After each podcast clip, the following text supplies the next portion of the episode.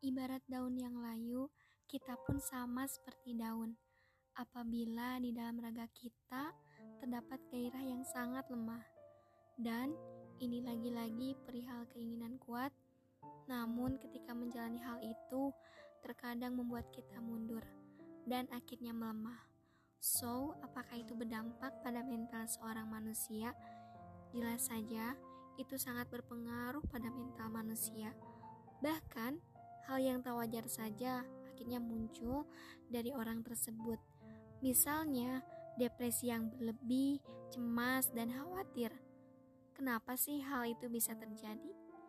Karena dalam raga kita sudah bercampur dengan kelemahan-kelemahannya. Namun, sayang sekali, banyak orang di sekitar kita menjadi lemah itu sebagian dari pasrah, yang artinya ya sudahlah, Mau bagaimana lagi? Sekarang udah ini, udah itu.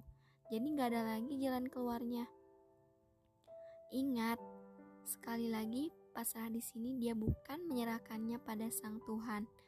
Namun dia di sini berusaha untuk stop dan berhenti melakukan keinginan tanpa berusaha mencari jalan keluarnya.